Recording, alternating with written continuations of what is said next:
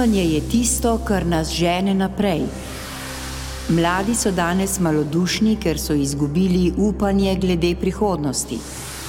Zemljo smo ukradli vnukom in tatvina presega vse meje.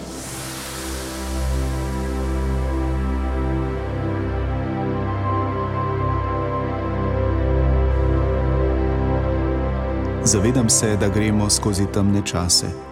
V knjigi z bravci delim svoje razloge za upanje. Človeški intelekt, trdoživost narave, energija, entuzijazem in odločnost mladih za reševanje težav, ko jih prepoznajo, sprožijo ukrepanje neuklonljivega človeškega duha. Trdno verjamem, da upanje ni samo pobožna želja, ampak je akcija, spoznanje cilja in poti, kako do cilja priti ob tem spoznanju zavihaš rokave in pot in cilj s trdim delom tudi uresničiš. To je moja razlaga besede upanje. Tako je delo z naslovom Knjiga upanja pospremila Jane Goodall, ki bi sicer težko rekli, da je avtorica, saj je knjiga napisana v obliki intervjuja, ki ga je pripravil Douglas Abrams. Svetovno znana naravoslovka Jane Goodall v njej govori o realnosti, v kateri smo. Čeprav ne zavedajoč se ukrajinske tragedije, govori o miru, o človeški naravi, o moči upanja in o neuklonljivosti človeškega duha. Prisluhnimo nekaj odlomkom.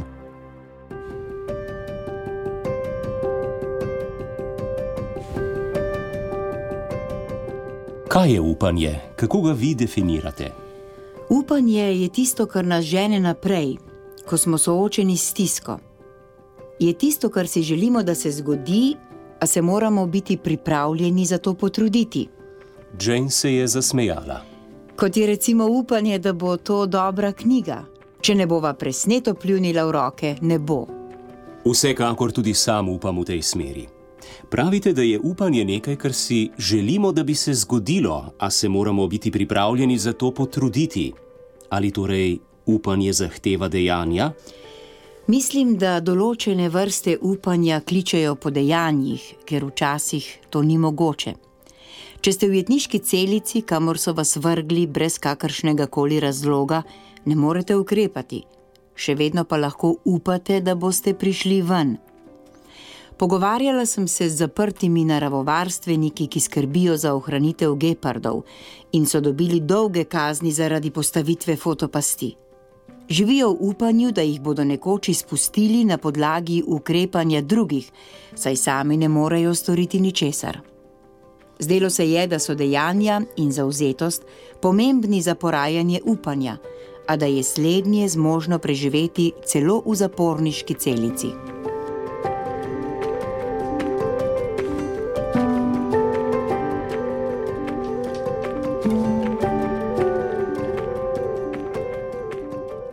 Mnoge svetovne veroizpovedi v isti sapi govorijo o upanju in veri.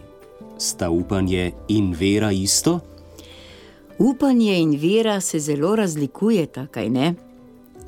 Vera je, ko dejansko verjamete, da se za vesoljem skriva intelektualna sila, ki jo lahko prevedemo v Boga, Allaha ali kaj podobnega. Verjamete v Boga, stvarnika, verjamete v življenje po smrti ali kakšno drugo doktrino. To je vera. Lahko verjamemo, da so te stvari resnične, ne moremo pa tega vedeti. Lahko poznamo smer, v katero želimo iti, in lahko upamo, da je prava. Upanje je skromnejše od vere, saj nihče ne more vedeti, kaj bo prinesla prihodnost. Rekli ste, da upanje terja, da se za želene dogodke potrudimo. Torej, v določenih okoliščinah je nujno. Vzemimo za primer to grozljivo okoljsko nočno moro, v kateri danes živimo. Vsekakor upamo, da ni prepozno, da stvari spremenimo. Vemo pa, da brez našega ukrepanja teh sprememb ne bo. Ali imamo potem takem več upanja, bolj kot smo dejavni? Velja v obeh smereh. Ne boste ukrepali, če nimate upanja, da boste z dejanji naredili nekaj dobrega. Tako je za zagon potrebno upanje, z delovanjem pa potem ustvarite še več upanja. Stvar deluje ciklično. Kaj je potem dejansko upanje? Čustvo? Ne, Ni čustvo. Kaj pa potem? Je vidik našega preživetja. Je preživetvena veščina? Ne gre za veščino, gre za nekaj prirojenega, globljega, skoraj kot bi bilo darilo. Pravzaprav je preživetvena lastnost, zato gre. Je človekova preživetvena lastnost. Brez nje umremo.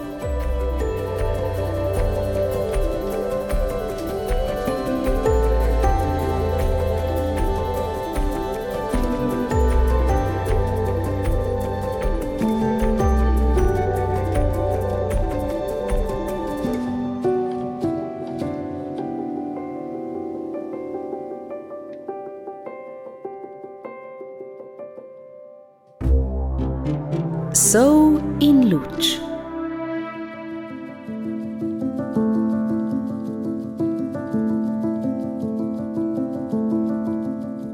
Ste kdaj izgubili upanje za prihodnost človeštva?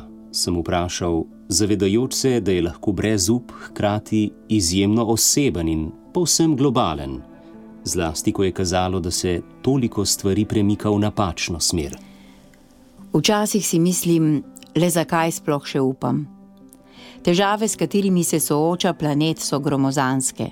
Če jih podrobno seciram, se včasih res zdijo povsem nerešljive. Zakaj torej še upam? Deloma zato, ker sem trmasta. Preprosto se ne bom udala. Deloma pa tudi zato, ker ne moremo z gotovostjo reči, kaj nam bo prinesla prihodnost. Enostavno ne gre. Nihče ne more vedeti, kako se bo vse išlo. To, da je bilo Janino upanje postavljeno na preizkušnjo in je postalo vprašljivo, mi je bilo nekako v navdih. Njena zgodba je dobila večjo težo. Kljub vsemu pa sem se spraševal, kako to, da si nekateri ljudje hitreje opomorejo od žalosti in srčnih bolečin. Imamo kakšen znanstveni pristop, kako razložiti upanje, zakaj ga imajo nekateri več kot drugi in morda, kako bi lahko vsak izmed nas posegel po njem, ko bi ga potreboval. Načkov tutu sem navedel Jane, mi je nekoč povedal, da se lahko optimizem hitro prevesi v pesimizem, ko se spremenijo okoliščine. Razložil mi je, da je upanje veliko globlji izvir moči, ki ga praktično ni moč omajati. Ko ga je novinar vprašal, zakaj ostaja optimist, je rekel, da ni optimist, pač pa ujetnik upanja in je citiral svetopisemskega preroka Zaharijo. Rekel je, da upanje pomeni sposobnost videti svetlobo vsej temi na vkljub. Da, upanje si ne zatiska oči pred težavami in nevarnostjo, a ga ne težave, ne druge nevarnosti ne ustavijo. Veliko je teme, a naša dejanja ustvarjajo svetlobo. Veliko starejših ljudi, ki jih poznam, se veliko časa osredotoča na svoje bolečine. Tisti, ki so videti najbolj zdravi, so tisti, ki se posvečajo stvarem onkraj njihovih lastnih tegob. Jane je bila močan zgled trdoživosti in ustrajnosti ob soočenju z ovirami. Raziskovalci so navedli, da je prav to nujno, da bi imeli upanje. Jane nič ni moglo odvrniti od doseganja cilja. Ste bili vedno tako močni in žilavi? sem vprašal. Ne, ko sem bila majhna, sem bila venomer bolna. Moj stric Erik, ki je bil zdravnik, me je krstil za klavrno katko. In čisto res sem imela občutek, da so mi možgani rožljali po glavi. Ne vem zakaj, sem pa res imela hude migrene. Tudi sam sem trpel za migrenami, obupne so, sem rekel.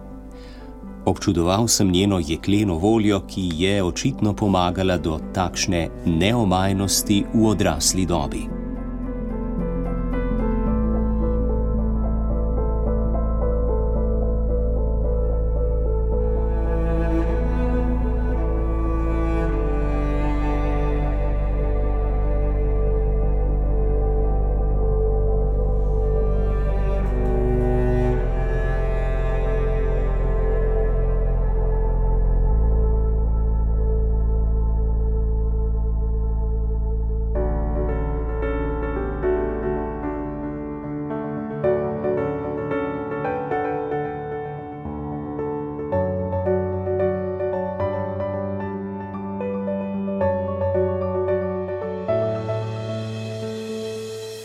Mislite, da smo sposobni družbe, kjer vsi živijo v miru in sožitju?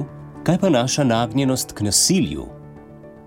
Jane je zmajala z glavo. Ne, če se ne bomo korenito spremenili. Napadalno vedenje je prav gotovo del naše genske zasnove, ki smo jo podedovali od daljnih prednikov, hominidov. K sreči smo zaradi našega izjemnega intelekta in sposobnosti sporazumevanja z besedami uspeli prestopiti onkraj zgolj čustvenega, agresivnega odzivanja drugih živali, prav tako pa smo se, kot sem že omenila, sposobni zavestno odločati za reagiranje v določenih situacijah. Odločitve, ki jih sprejmemo, bodo delno odraz tega, kar smo se naučili kot otroci, slednje pa bo odvisno od države ter kulturnega okolja, v katerem smo rasli. Domnevam, da je pri majhnih otrocih povsod zelo verjetno, da bodo udrihali po stvari, ki jih je razjezila. Mojo sestro Judy in mene so naučili, da se ne sme tepsti, brcati in gristi drugih otrok. Spoznali sva moralne vrednote naše družbe. To je dobro in to je slabo, to je prav in to narobe. Kar je bilo slabo in narobe, so kaznovali z besedami, vse dobro in pravilno pa nagradili. Bi torej lahko rekli, da se otroci naučijo moralnih vrednot njihove družbe, sem vprašal? Da, prav zaradi tega je človeška napadalnost slabša od nasilnosti drugih vrst, ker se tako vedemo, kljub temu, da vemo, da je to moralno gledano narobe. Zato mislim, da je le človek sposoben pravega zla. Samo ljudje lahko sedemo za mizo in se hladnokrvno dogovorimo, kako bomo druge mučili in jim prizadejali bolečino. Podrobno načrtujemo grozljivo brutalnost.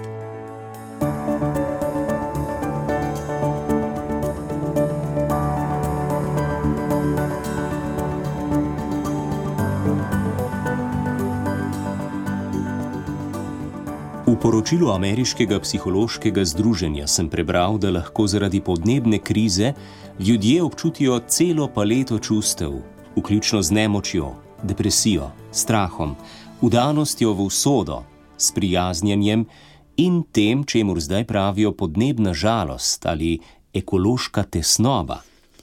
Strah, žalost in jeza so normalni odzivi na resničnost.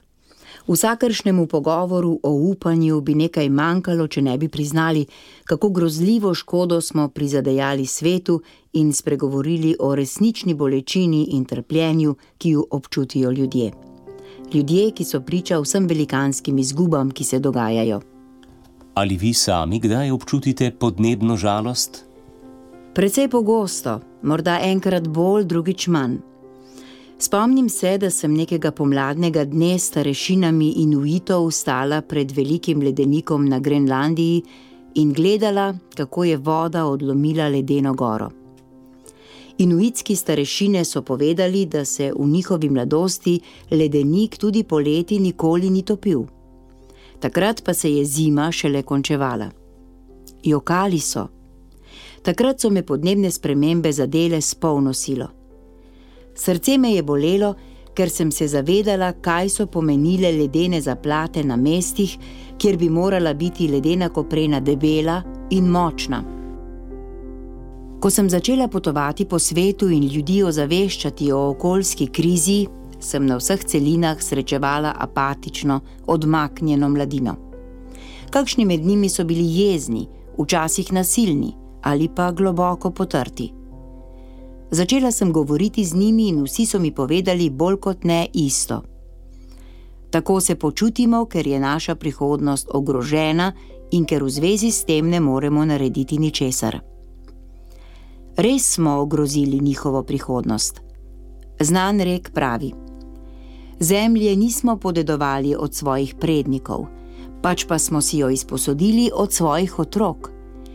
Le da si je mi nismo izposodili od njih, ukradli smo jim jo. Če si nekaj izposodiš, se pričakuje, da se boš oddolžil. Mi pa smo nešteto let kradli njihovo prihodnost. Razsežnost naše tatvine je presegla vse meje. Ne krademo le od te generacije, pač pa od vseh prihodnjih generacij. Nekateri temu pravijo medgeneracijska krivica, ker otroci prihodnosti, ljudje prihodnosti, nimajo svojega glasu v naših sejnih sobah. Da, to je res. Nisem pa se strinjala z mladimi, ki so menili, da ni mogoče ničesar spremeniti. Povedala sem jim, da imamo določeno okno časa, v okviru katerega lahko vsaj začnemo celiti nekatere od ran, ki smo jih zadali, in upočasnimo podnebne spremembe, če ljudje vseh starosti, tako mladi kot stari, stopimo skupaj.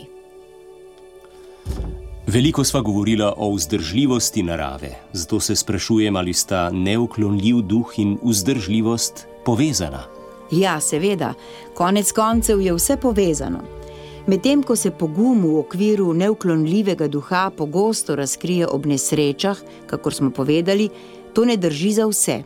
Nekateri ljudje klonejo. Mislim, da je to povezano s trdoživostjo in našo nagnjenostjo k optimizmu ali pesimizmu. Prepričana sem, da je samozavest del trdoživosti in način vzgoje posameznika pri tem igra pomembno vlogo.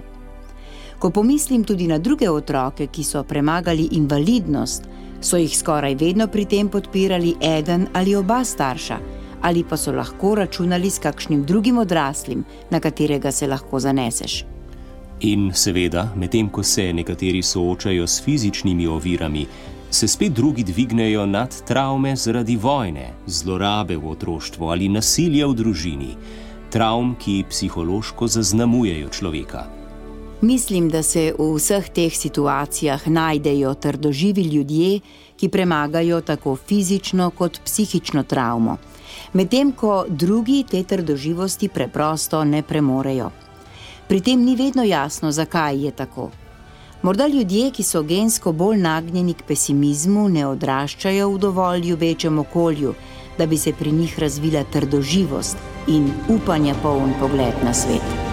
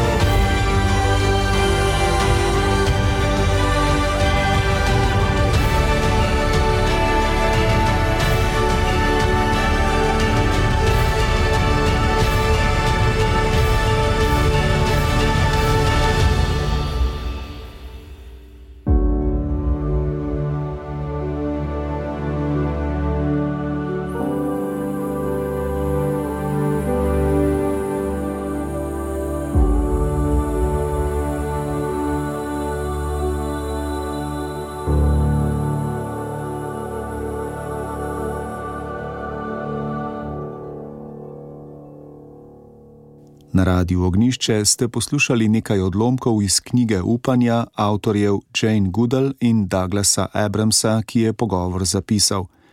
Izšla je pri založbi Učila, brala pa sta Mateja Subotičanec in Blaž Lesnik, tedaj sadar pa sem oddajo Sov in Luč pripravil.